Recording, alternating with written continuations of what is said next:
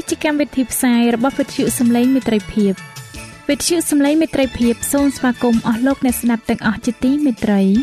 នាងខ្ញុំសេកសុចិន្តាវតី ហើយខ្ញុំបាទអង្ចាន់វិជ្ជៈក៏សូមស្វាគមន៍លោកអ្នកស្ដាប់ទាំងអស់ផងដែរនៅពេលនេះយើងខ្ញុំមានសេចក្តីសុំមនស្សរីករាយដោយបានវិលមកជួបអស់លោកអ្នកនាងកញ្ញាអ្នកស្ដាប់សាជាថ្មីម្ដងទៀត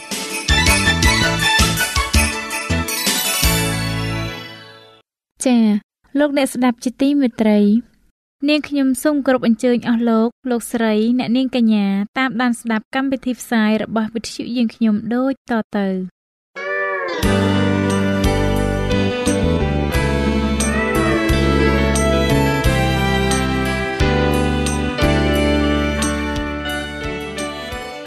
ព្រះបន្ទូលសម្រាប់អ្នកនៅថ្ងៃនេះព្រះគម្ពីរកូរិនថូសទី1ចំពុក13ខ2ដល់ខ3បានចែងថា បើខ្ញុំចេះអធិប្បាយ ហើយស្គាល់អស់ទាំងសេចក្តីអាចកំបាំងនិងគ្រប់ទាំងចំណេះវិជ្ជាហើយបើខ្ញុំមានគ្រប់ទាំងសេចក្តីជំនឿល្មមនឹងឲ្យភ្នំរើចេញបាន តែគ្មានសេចក្តីស្រឡាញ់នោះខ្ញុំមិនមែនជាអ្វីទេបើខ្ញុំចែកអស់ទាំងទ្រព្យសម្បត្តិខ្ញុំជាអាហារដល់គេហើយបើខ្ញុំប្រគល់រូបកាយខ្ញុំទៅឲ្យគេដុតតែគ្មានសេចក្តីស្រឡាញ់នោះគ្មានប្រយោជន៍ដល់ខ្ញុំសោះ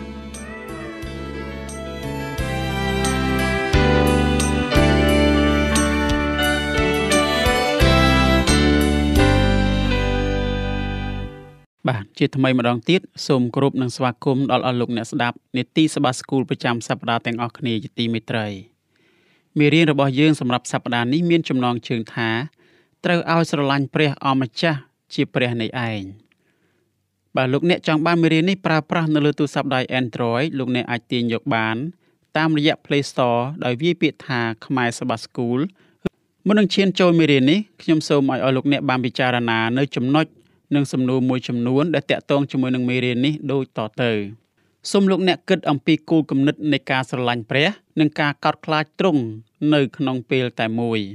តើយើងអាចធ្វើរឿងទាំងពីរយ៉ាងនេះបានយ៉ាងដូចម្តេចទៅតើហេតុអ្វីបានជាយើងគួរតែធ្វើរឿងទាំងពីរនេះតើហេតុអ្វីបានជាការដែលស្រឡាញ់ព្រះនៅក្នុងគ្រាលំបាកមានសារៈសំខាន់ជាងការដែលស្រឡាញ់ទ្រង់នៅពេលដែលអ្វីអ្វីគ្រប់យ៉ាងល្អប្រសើរទៅវិញ តើលោកអ្នកអាចជួយឲ្យអ្នកណាម្នាក់ដែលមិនជឿលើព្រះយល់អំពីអត្ថន័យនៃការស្រឡាញ់ទ្រង់ដោយរបៀបណា ក្នុងភាពជាមនុស្សលោកតើយើងអាចស្រឡាញ់អ្នកណាម្នាក់ដែលយើងមើលមិនឃើញ បានដែរឬទេអស់លោកអ្នកជាទីមេត្រីសេចក្តីអធិដ្ឋានមួយដ៏សំខាន់បំផុតនៅក្នុងសាសនាយូដា គឺដកស្រង់មកពីព្រះគម្ពីរចោទយកថាជំពូក6សេចក្តីអធិដ្ឋាននេះត្រូវបានគេហៅថា Zema សេចក្តីអធិដ្ឋាននេះទទួលបានឈ្មោះរបស់វាមកពីពាក្យដំបូងនៃសេចក្តីអធិដ្ឋាន ដែលហៅថា Zama Zama មានន័យថា ស្ដាប់ហើយយល់ឬអាចមានន័យថាគោរពតាម ពាក្យ Zama នេះទៀតសោតត្រូវបានគេប្រើម្ដងហើយម្ដងទៀតនៅក្នុងកាន់គម្ពីរចោទយកថា និងគម្ពីរសញ្ញាចាស់ទាំងមូលព្រះគម្ពីរចោទយកថាជំពូក6ខ4បានចែងថា ចូលស្ដាប់ចុះ អោអ៊ីស្រាអែលអើយព្រះយេហូវ៉ាជាព្រះនៃយើង គឺព្រះយេហូវ៉ាតែមួយអង្គទ្រង់ជាទូទៅ នៅពេលដែលសាសយូដាសូត្រផ្នែកនៃសេចក្តីអធិដ្ឋាននេះ ពួកគេតែងតែបាំងភ្នែករបស់ពួកគេតើហេតុអ្វីបានជាពួកគេបាំងភ្នែកនោះគឺពីព្រោះតែពួកគេចង់បង្ហាញថាគ្មានអ្វីដែលអាចទាញចំណាប់អារម្មណ៍របស់ពួកគេចេញពីព្រះបានឡើយអ្នកប្រាជ្ញ ខាងឯព្រះគម្ពីរជឿថា បន្ទាត់ដំបូងនៃសេម៉ាបង្ហាញថា មានព្រះតែមួយគត់ដូច្នេះសាសអ៊ីស្រាអែលត្រូវតែស្មោះត្រង់ចំពោះព្រះជាម្ចាស់ជាព្រះនៃយើងតែមួយប៉ុណ្ណោះសាសអ៊ីស្រាអែលមិនត្រូវថ្វាយបង្គំព្រះដតីទៀតឡើយនេះគឺជាមូលហេតុដែលនាំឲ្យផ្នែកដំបូងនៃសេចក្តីអធិដ្ឋាននេះក៏អាចសរសេរបានដែរថា ព្រះអម្ចាស់ជាព្រះនៃយើង នេះគឺជាផ្នែកមួយនៃសេចក្តីអធិប្បាយដំបូងរបស់លោកម៉ូសេ បានចែកចាយដល់ជនជាតិអ៊ីស្រាអែលមុនពេលដែលពួកគេហៀបនឹងចូលទៅក្នុងទឹកដីសន្យាសេចក្តីអធិប្បាយដែលនៅសេសសល់បង្ហាញអំពីសេចក្តីពិតនៃព្រះគម្ពីរសេចក្តីពិតនេះមានសារៈសំខាន់ដូចគ្នានឹងសម័យគម្ពីរសញ្ញាចាស់ផងដែរត្រូវឲ្យស្រឡាញ់ព្រះ លោកម៉ូសេបានប្រាប់ពួកបណ្ដាជនអំពីប្រវត្តិសាស្ត្ររបស់ពួកគេ បន្ទាប់មកលោកម៉ូសេបានប្រាប់ពួកគេអំពីអ្វីគ្រប់យ៉ាងដែលពួកគេត្រូវធ្វើពេលនោះពួកគេនឹងអាចដណ្ដើមយកទឹកដីដែលព្រះបានសន្យាដល់ពួកគេ ហើយរស់នៅយ៉ាងសប្បាយរីករាយជាយូរអង្វែងតទៅព្រះគម្ពីរចោទយកថាចំពុក6បានផ្ដើមជាមួយនឹងពាក្យទាំងនេះរបស់លោកម៉ូសេទៅកាន់ជនជាតិអ៊ីស្រាអែល ព្រះគម្ពីរចោទយកថាចំពុក6ខ1ដល់ខ2បានចែងថានេះជាសេចក្តីបង្គាប់ជាច្បាប់ ហើយជាបញ្ញត្តិទាំងប៉ុន្មានដែលព្រះយេហូវ៉ាជាព្រះនៃឯងទ្រង់បានបង្គាប់មកឲ្យបង្រៀនដល់ឯងដើម្បីឲ្យឯងបានប្រព្រឹត្តតាម នៅក្នុងស្រុកដែលនឹងឆ្លងចូលទៅទទួលយក ប្រយោជន៍ឲ្យឯងបានកោតខ្លាចដល់ព្រះយេហូវ៉ាជាព្រះនៃឯងហើយកាន់តាមគ្រប់ទាំងច្បាប់ និងបញ្ញត្តិរបស់ទ្រង់ ដែលអញបង្គាប់ដល់ឯងនេះ នៅអស់មួយជីវិតរបស់ឯងនិងកូនចៅឯងតរៀងទៅ ហើយឲ្យឯងបានអាយុជាយូរអង្វែងតទៅអស់លោកអ្នកជាទីមេត្រី លោកម៉ូសេបានប្រាប់ជនជាតិអ៊ីស្រាអែលដោយដែលបានចែងនៅក្នុងព្រះគម្ពីរចោទយកថាជំពូក6ខ5ថាត្រូវឲ្យឯងស្រឡាញ់ព្រះយេហូវ៉ាជាព្រះនៃឯងឲ្យអស់ពីចិត្តអស់ពីព្រលឹងហើយអស់ពីកម្លាំងឯង តើលោកអ្នកឃើញថាសេចក្តីបង្គាប់របស់លោកម៉ូសេថាឲ្យស្រឡាញ់ព្រះស្ថិតនៅក្នុងចន្លោះកណ្ដាលនៃការដាស់តឿននិងក្រឹតវិន័យដែរឬទេ មិនត្រឹមតែប៉ុណ្ណោះលោកម៉ូសេបានប្រាប់ពួកគេថាត្រូវឲ្យស្រឡាញ់ព្រះឲ្យអស់ពីចិត្តអស់ពីព្រលឹងហើយអស់ពីកម្លាំងឯងសេចក្តីបង្គាប់នេះបង្ហាញអ្វីមួយដ៏សំខាន់បំផុតដល់យើងអំពីសេចក្តីស្រឡាញ់គឺថាសេចក្តីស្រឡាញ់របស់ព្រះ គឺគ្មានអ្វីអាចប្រៀបផ្ទឹមបានឡើយត្រង់នេះមានន័យថាព្រះចង់ឲ្យយើងស្រឡាញ់ទ្រង់ជាមួយនឹងអ្វីគ្រប់យ៉ាងដែលយើងមានដូច្នេះហើយសេចក្តីស្រឡាញ់របស់យើងចំពោះព្រះត្រូវតែមកមុនគេជានិច្ចសេចក្តីស្រឡាញ់របស់យើងចំពោះព្រះត្រូវតែខ្លាំងជាងសេចក្តីស្រឡាញ់របស់យើងចំពោះអ្នកណាម្នាក់និងរបស់អ្វីអ្វីដែលយើងមាននៅលើโลกនេះទៅទៀត ព្រះគឺជាហេតុផលនៃការរស់នៅរបស់យើងទាំងស្រុងដូច្នេះសេចក្តីស្រឡាញ់របស់យើងចំពោះព្រះគួរតែធ្វើឲ្យអ្វីអ្វីផ្សេងទៀតคล้ายទៅជាទី2ឬជាទី3តែប៉ុណ្ណោះនៅក្នុងជីវិតរបស់យើងគ្រប់គ្នានៅក្នុងភាសាហេប្រឺពាក្យថានៃឯងនៅក្នុងព្រះគម្ពីរចោទយកថាជំពូក6ខ5គឺសំដៅទៅលើបុគ្គលតែម្នាក់ប៉ុណ្ណោះដូច្នេះនៅពេលដែលលោកម៉ូសេសរសេរថា ត្រូវឲ្យឯងស្រឡាញ់ព្រះយេហូវ៉ាជាព្រះនៃឯងឲ្យអស់ពីចិត្តលោកម៉ូសេបានបង្ហាញយើងថាព្រះចង់ឲ្យមនុស្សម្នាក់ម្នាក់ដែលជាសិស្សរបស់ទ្រង់ស្មោះត្រង់ជាមួយនឹងទ្រង់មែនហើយព្រះបានមានបន្ទូលទៅកាន់ជនជាតិអ៊ីស្រាអែលនៅក្នុងលក្ខណៈជាក្រុមប៉ុន្តែក្រុមមួយអាចរឹងមាំទៅបានដរាបម្នាក់ម្នាក់នៅក្នុងផ្នែកនីមួយនីមួយរឹងមាំជាមុនសិនដូច្នេះ នេះគឺជាមូលហេតុដែលព្រះចង់ឲ្យម្នាក់ម្នាក់ដែលជាសិស្សរបស់ទ្រង់គោរពតាមទ្រង់ដោយផ្ទាល់ការគោរពតាមរបស់យើងបង្ហាញអំពីសេចក្តីជំនឿរបស់យើងចំពោះព្រះការគោរពតាមរបស់យើងត្រូវតែចេញមកពីសេចក្តីស្រឡាញ់របស់យើងចំពោះទ្រង់ដោយសារតែទ្រង់ជាព្រះ និងដោយសារអ្វីអ្វីគ្រប់យ៉ាងដែលទ្រង់បានធ្វើសម្រាប់យើង ត្រូវឲ្យកោតខ្លាចព្រះដោយដែលយើងបានឃើញរួចមកហើយថា លោកម៉ូសេបានប្រាប់ជនជាតិអ៊ីស្រាអែលឲ្យស្រឡាញ់ព្រះឲ្យបានពេញលេញសេចក្តីស្រឡាញ់នេះគឺជាសេចក្តីបង្គាប់លោកម៉ូសេបានប្រាប់ពួកបណ្ដាជនអំពីអ្វីដែលនឹងកើតឡើង នៅពេលដែលពួកគេគោរពតាមក្រឹតវិន័យរបស់ព្រះ នៅក្នុងព្រះគម្ពីរចោទយកថាជំពូក6ខ2បានចែងថា ធ្វើដូច្នេះអ្នកនឹងគោរពកោតខ្លាចព្រះអម្ចាស់ជាព្រះនៃអ្នក លោកម៉ូសេបានប្រាប់ពួកគេនៅក្នុងខនេះថាឲ្យកោតខ្លាចព្រះប៉ុន្តែនៅក្នុងខមួយទៀតលោកម៉ូសេបានប្រាប់ពួកគេថាត្រូវឲ្យស្រឡាញ់និងកោតខ្លាចព្រះក្នុងពេលតែមួយតើមានរឿងអ្វីនៅត្រង់ចំណុចទាំងនេះសប្តាហ៍ថ្ងៃនេះ នៅពេលដែលយើងគិតអំពីការកោតខ្លាច យើងយល់ឃើញថា ជាការភ័យខ្លាចទៅវិញប៉ុន្តែនៅពេលដែលព្រះគម្ពីរសូមឲ្យយើងកោតខ្លាចព្រះនោះព្រះគម្ពីរពិតជាចង់ឲ្យយើងបង្ហាញ ការគោរពកោតខ្លាចដល់ព្រះ យើងគោរពព្រះ ដោយសារតែទ្រង់មានអំណាចទ្រង់យុត្តិធម៌និងបរិសុទ្ធចំណុចទាំងនេះសុទ្ធតែជាហេតុផលល្អសម្រាប់មូលហេតុដែលយើងគួរតែកោតខ្លាចទ្រង់កាលពីមុនយើងបដិសេធមិនគោរពតាមព្រះ ការដែលមិនគោរពតាមព្រះរបស់យើង បានធ្វើឲ្យទ្រង់ក្រោធសេចក្តីក្រោធរបស់ទ្រង់គឺជាហេតុផលមួយដែលយើងគួរតែកោតខ្លាចទ្រង់ ប៉ុន្តែក្រោយមក ព្រះបានសុគតជំនួសយើងព្រះយេស៊ូវក៏បានប្រទានដល់យើងនៅជីវិតថ្មី ជីវិតថ្មីនៅក្នុងទ្រង់ផងដែរជីវិតថ្មីនេះរួមមានទាំងសេរីភាពចេញពីអំពើបាប និងការជំនុំជម្រះសេរីភាពនេះគឺជាមូលហេតុដែលយើងគួរតែស្រឡាញ់ព្រះសេចក្តីពិតនៃព្រះគម្ពីរដដែលនេះក៏ជាសេចក្តីពិតសម្រាប់សាសអ៊ីស្រាអែលផងដែរពួកគេគឺជាទេសករនៅស្រុកអេស៊ីប ប៉ុន្តែព្រះស្រឡាញ់ជនជាតិអ៊ីស្រាអែលសេចក្តីស្រឡាញ់របស់ទ្រង់គឺជាហេតុផល ដែលនាំឲ្យទ្រង់រំដោះពួកគេចេញមកព្រះគម្ពីរចោទយកថាជំពូក5ខ15ចែងថាចូលនឹកចាំថាឯងក៏ជាបាវបំរើនៅស្រុកអេស៊ីបដែរតែព្រះយេហូវ៉ាជាព្រះនៃឯងទ្រង់បាននាំចេញពីស្រុកនោះមក ដោយព្រះហស្ថដ៏មានព្រះចេស្តានិងព្រះពេហុលើកសម្រេចគ្មានអ្វីត្រូវឆ្ងល់ឡើយ ដែលថាជនជាតិអ៊ីស្រាអែលគួរតែស្រឡាញ់និងកោតខ្លាចព្រះនៅក្នុងពេលតែមួយនោះប្រសិនបើពួកគេធ្វើដូច្នោះមែនចុះយើងគួរតែស្រឡាញ់និងកោតខ្លាចព្រះនៅក្នុងពេលតែមួយលើសជាងនេះទៀតប៉ុណ្ណាទៅ នៅពេលដែលយើងគិតដល់ការសគត់របស់ទ្រង់សម្រាប់យើងនៅលើឈើឆ្កាងតើយើងមិនគួរស្រឡាញ់ទ្រង់ទេឬអី សារនៃទេវតាទី1នៅក្នុងព្រះគម្ពីរវិវរណៈចំពុក14ខ6និងខ7គឺជាសារនៃគ្រាចុងក្រោយដែលបានចាប់ផ្ដើមជាមួយនឹងពាក្យថាចូលកោតខ្លាចដល់ព្រះតើហេតុអ្វីបានជាសេចក្តីបង្គាប់នេះ គួរតែជាសារទី1មកពីព្រះដល់មនុស្សនៅលើផែនដីនៅសម័យចុងក្រោយនេះ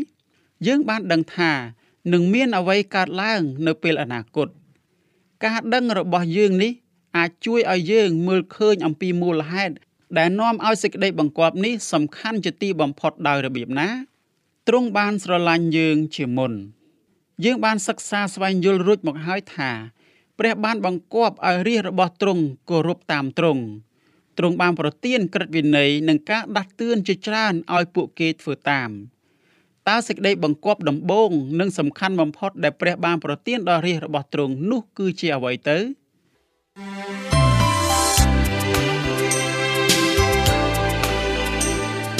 ចក្តីជំនឿកើតឡើងដោយលឺ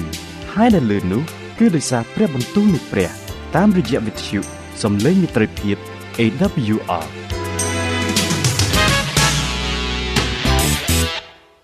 អស់លោកអ្នកជាទីមេត្រីសេចក្តីបង្គាប់នេះគឺថា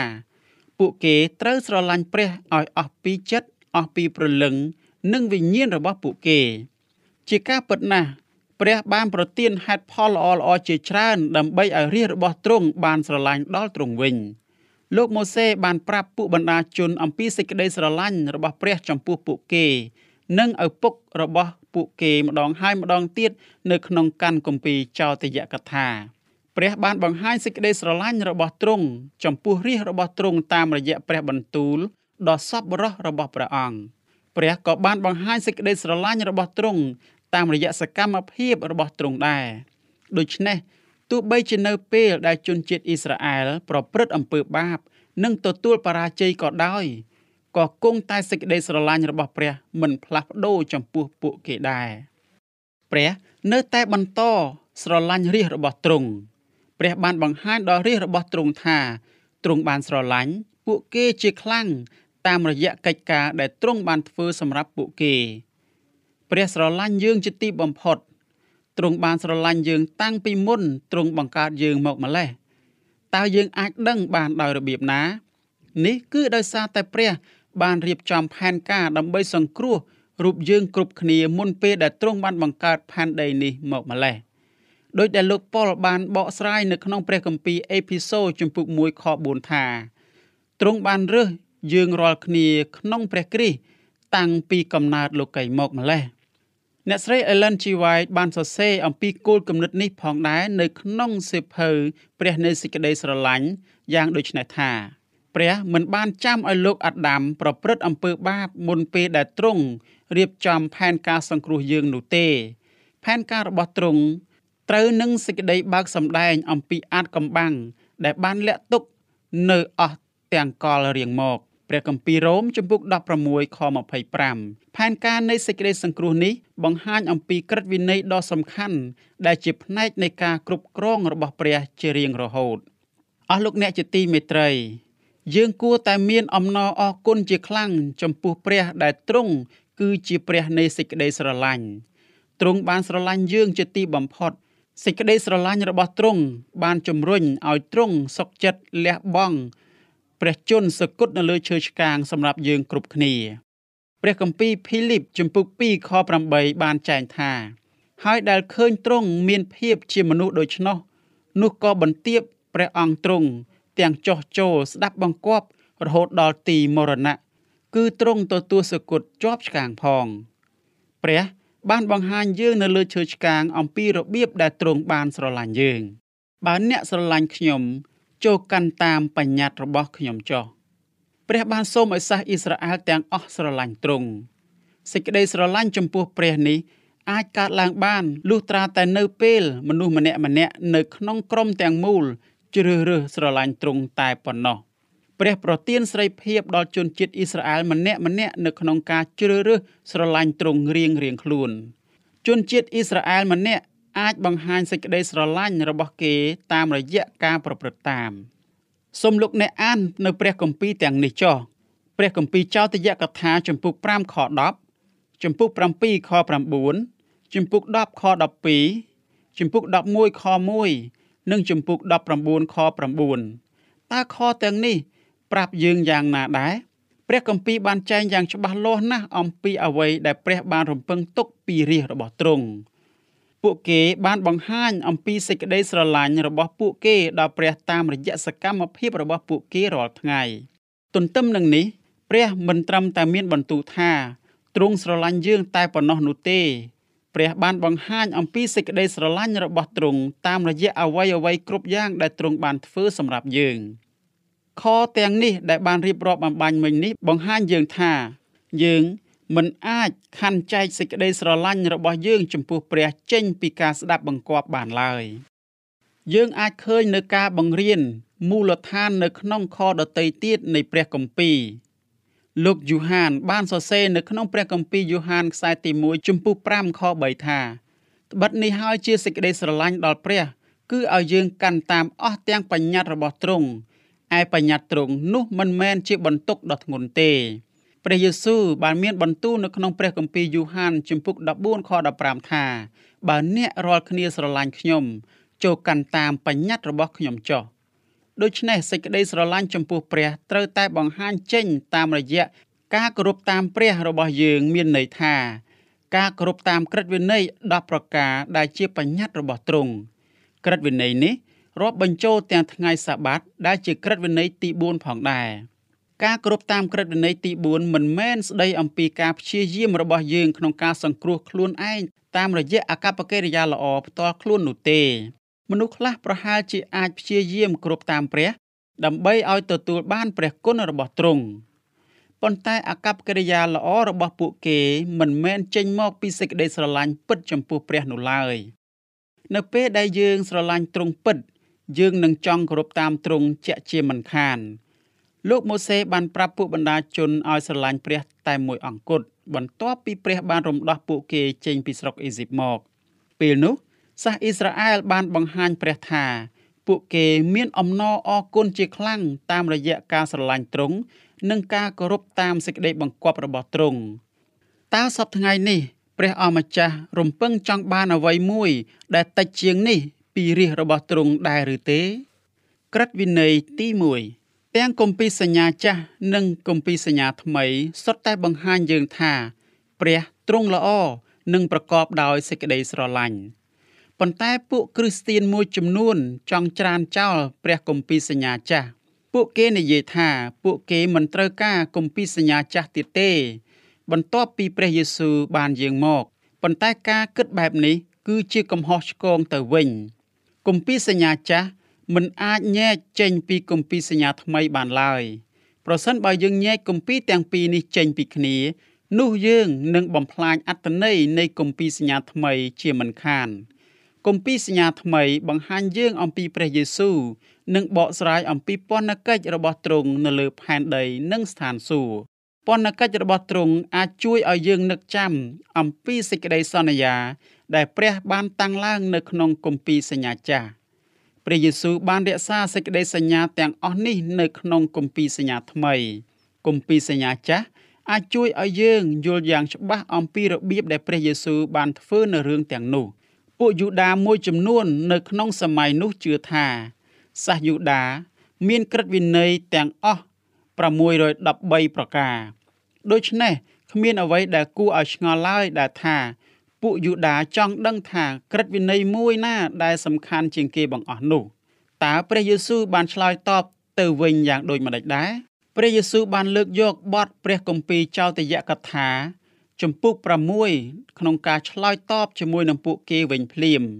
ទ្រង់បានមានបន្ទូលអំពីសម្រងពាក្យយ៉ាងនោះយ៉ាងដូចនេះថា មានតែព្រះអម្ចាស់ជាព្រះរបស់យើង មួយព្រះអង្គគត់ដែលពិតជាព្រះអម្ចាស់ ព្រះគម្ពីរចោទយកថាជំពូក6ខ4បន្ទាប់មកព្រះយេស៊ូវក៏បានមានបន្ទូលអំពីខបន្ទាប់ទៀតផងដែរដោយទ្រង់មានបន្ទូលថា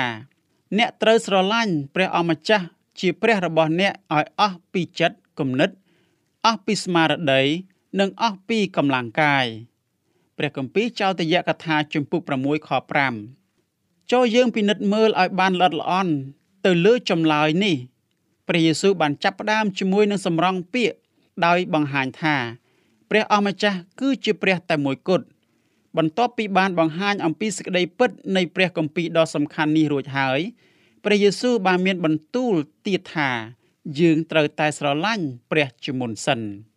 តើមានសេចក្តីបង្គាប់ឯណាដែលជាសេចក្តីពិតបច្ចុប្បន្នដ៏សំខាន់ជាងសេចក្តីបង្គាប់មួយនេះទៅទៀតនោះ ចូលនឹកចាំថាសេចក្តីពិតបច្ចុប្បន្នគឺជាសេចក្តីពិតដែលមនុស្សលោកត្រូវការជាទីបំផុតនៅចំនួនរបស់ពួកគេរស់នៅនៅគ្រាចុងក្រោយមនុស្សគ្រប់គ្នានៅលើផែនដី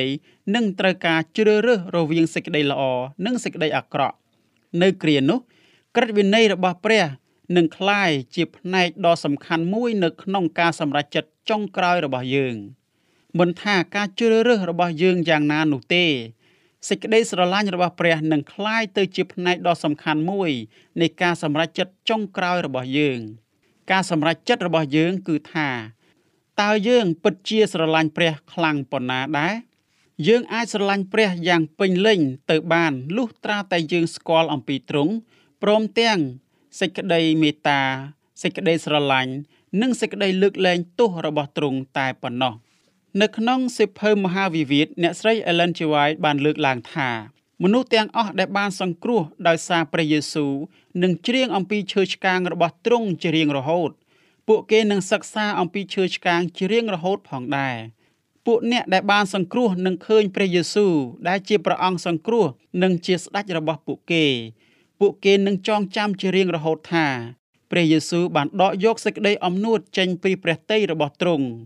ព្រះយេស៊ូវបានធ្វើដូច្នោះដើម្បីសង្គ្រោះមនុស្សលោក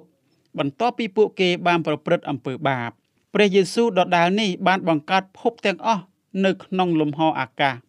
ព្រះយេស៊ូវគឺជាបុគ្គលម្នាក់ដែលព្រះស្រឡាញ់ជាទីបំផុត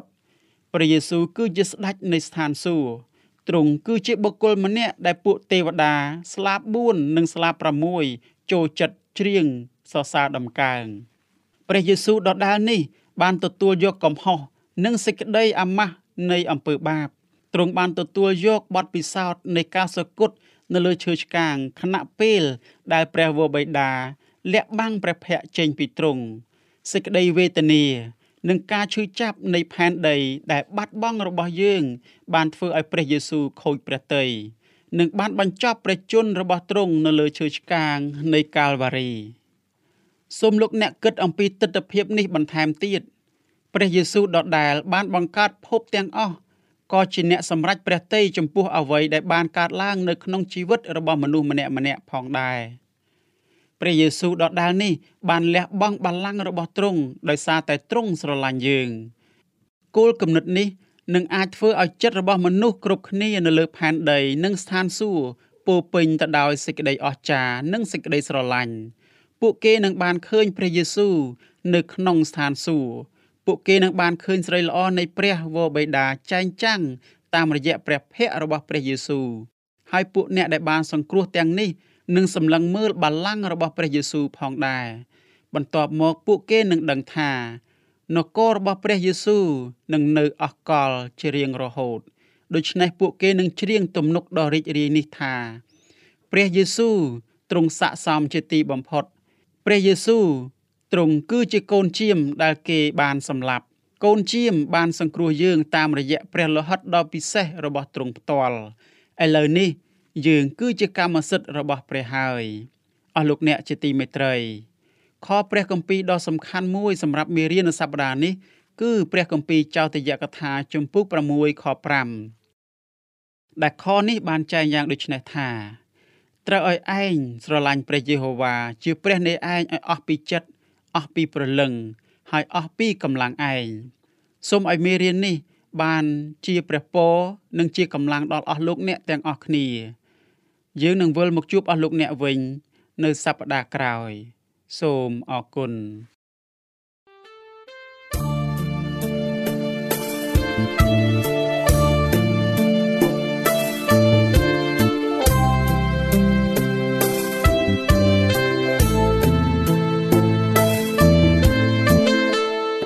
សិនជាលោកអ្នកមានសំណួរឬសំណុំពរអ្វីសូមតាក់ទងមកការិយាល័យវិទ្យុយើងខ្ញុំ តាមអាស័យដ្ឋានផ្ទះលេខ15ផ្លូវលេខ568សង្កាត់បឹងកក់2ខណ្ឌទួលគោករាជធានីភ្នំពេញលោកអ្នកក៏អាចសរសេរសម្បត្តិផ្ញើមកយើងខ្ញុំ តាមរយៈប្រអប់សម្បត្តិលេខ488ភ្នំពេញឬតាមទូរស័ព្ទលេខ012 34 96 64ឬ097 80 81 060ឬក៏តាមរយៈអ៊ីមែល vol@awr.org យើងខ្ញុំរងចាំទទួលស្វាគមន៍អស់លោកអ្នកនាងដោយក្តីសោមនស្សរីករាយហើយលោកអ្នកក៏អាចស្ដាប់កម្មវិធីនេះឡើងវិញ ដោយចូលទៅកាន់ website របស់វិទ្យុយើងខ្ញុំ តាមរយៈអាស័យដ្ឋាន www.awr.org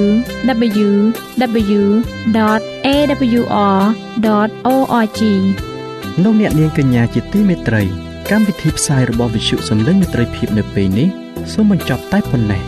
យើងខ្ញុំសូមអរគុណចំពោះការតាមដានស្ដាប់របស់អស់លោកអ្នកតាំងពីដើមរហូតដល់ចប់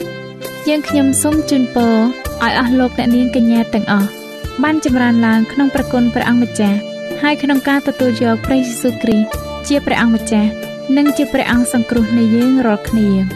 នាទីផ្សាយរបស់វិទ្យុយើងខ្ញុំនឹងវិលមកជួបអស់លោកអ្នកសាជាថ្មីម្ដងទៀតនៅថ្ងៃស្អែកវេលាម៉ោងដដែលនាងខ្ញុំសេកសុចិន្តាវតី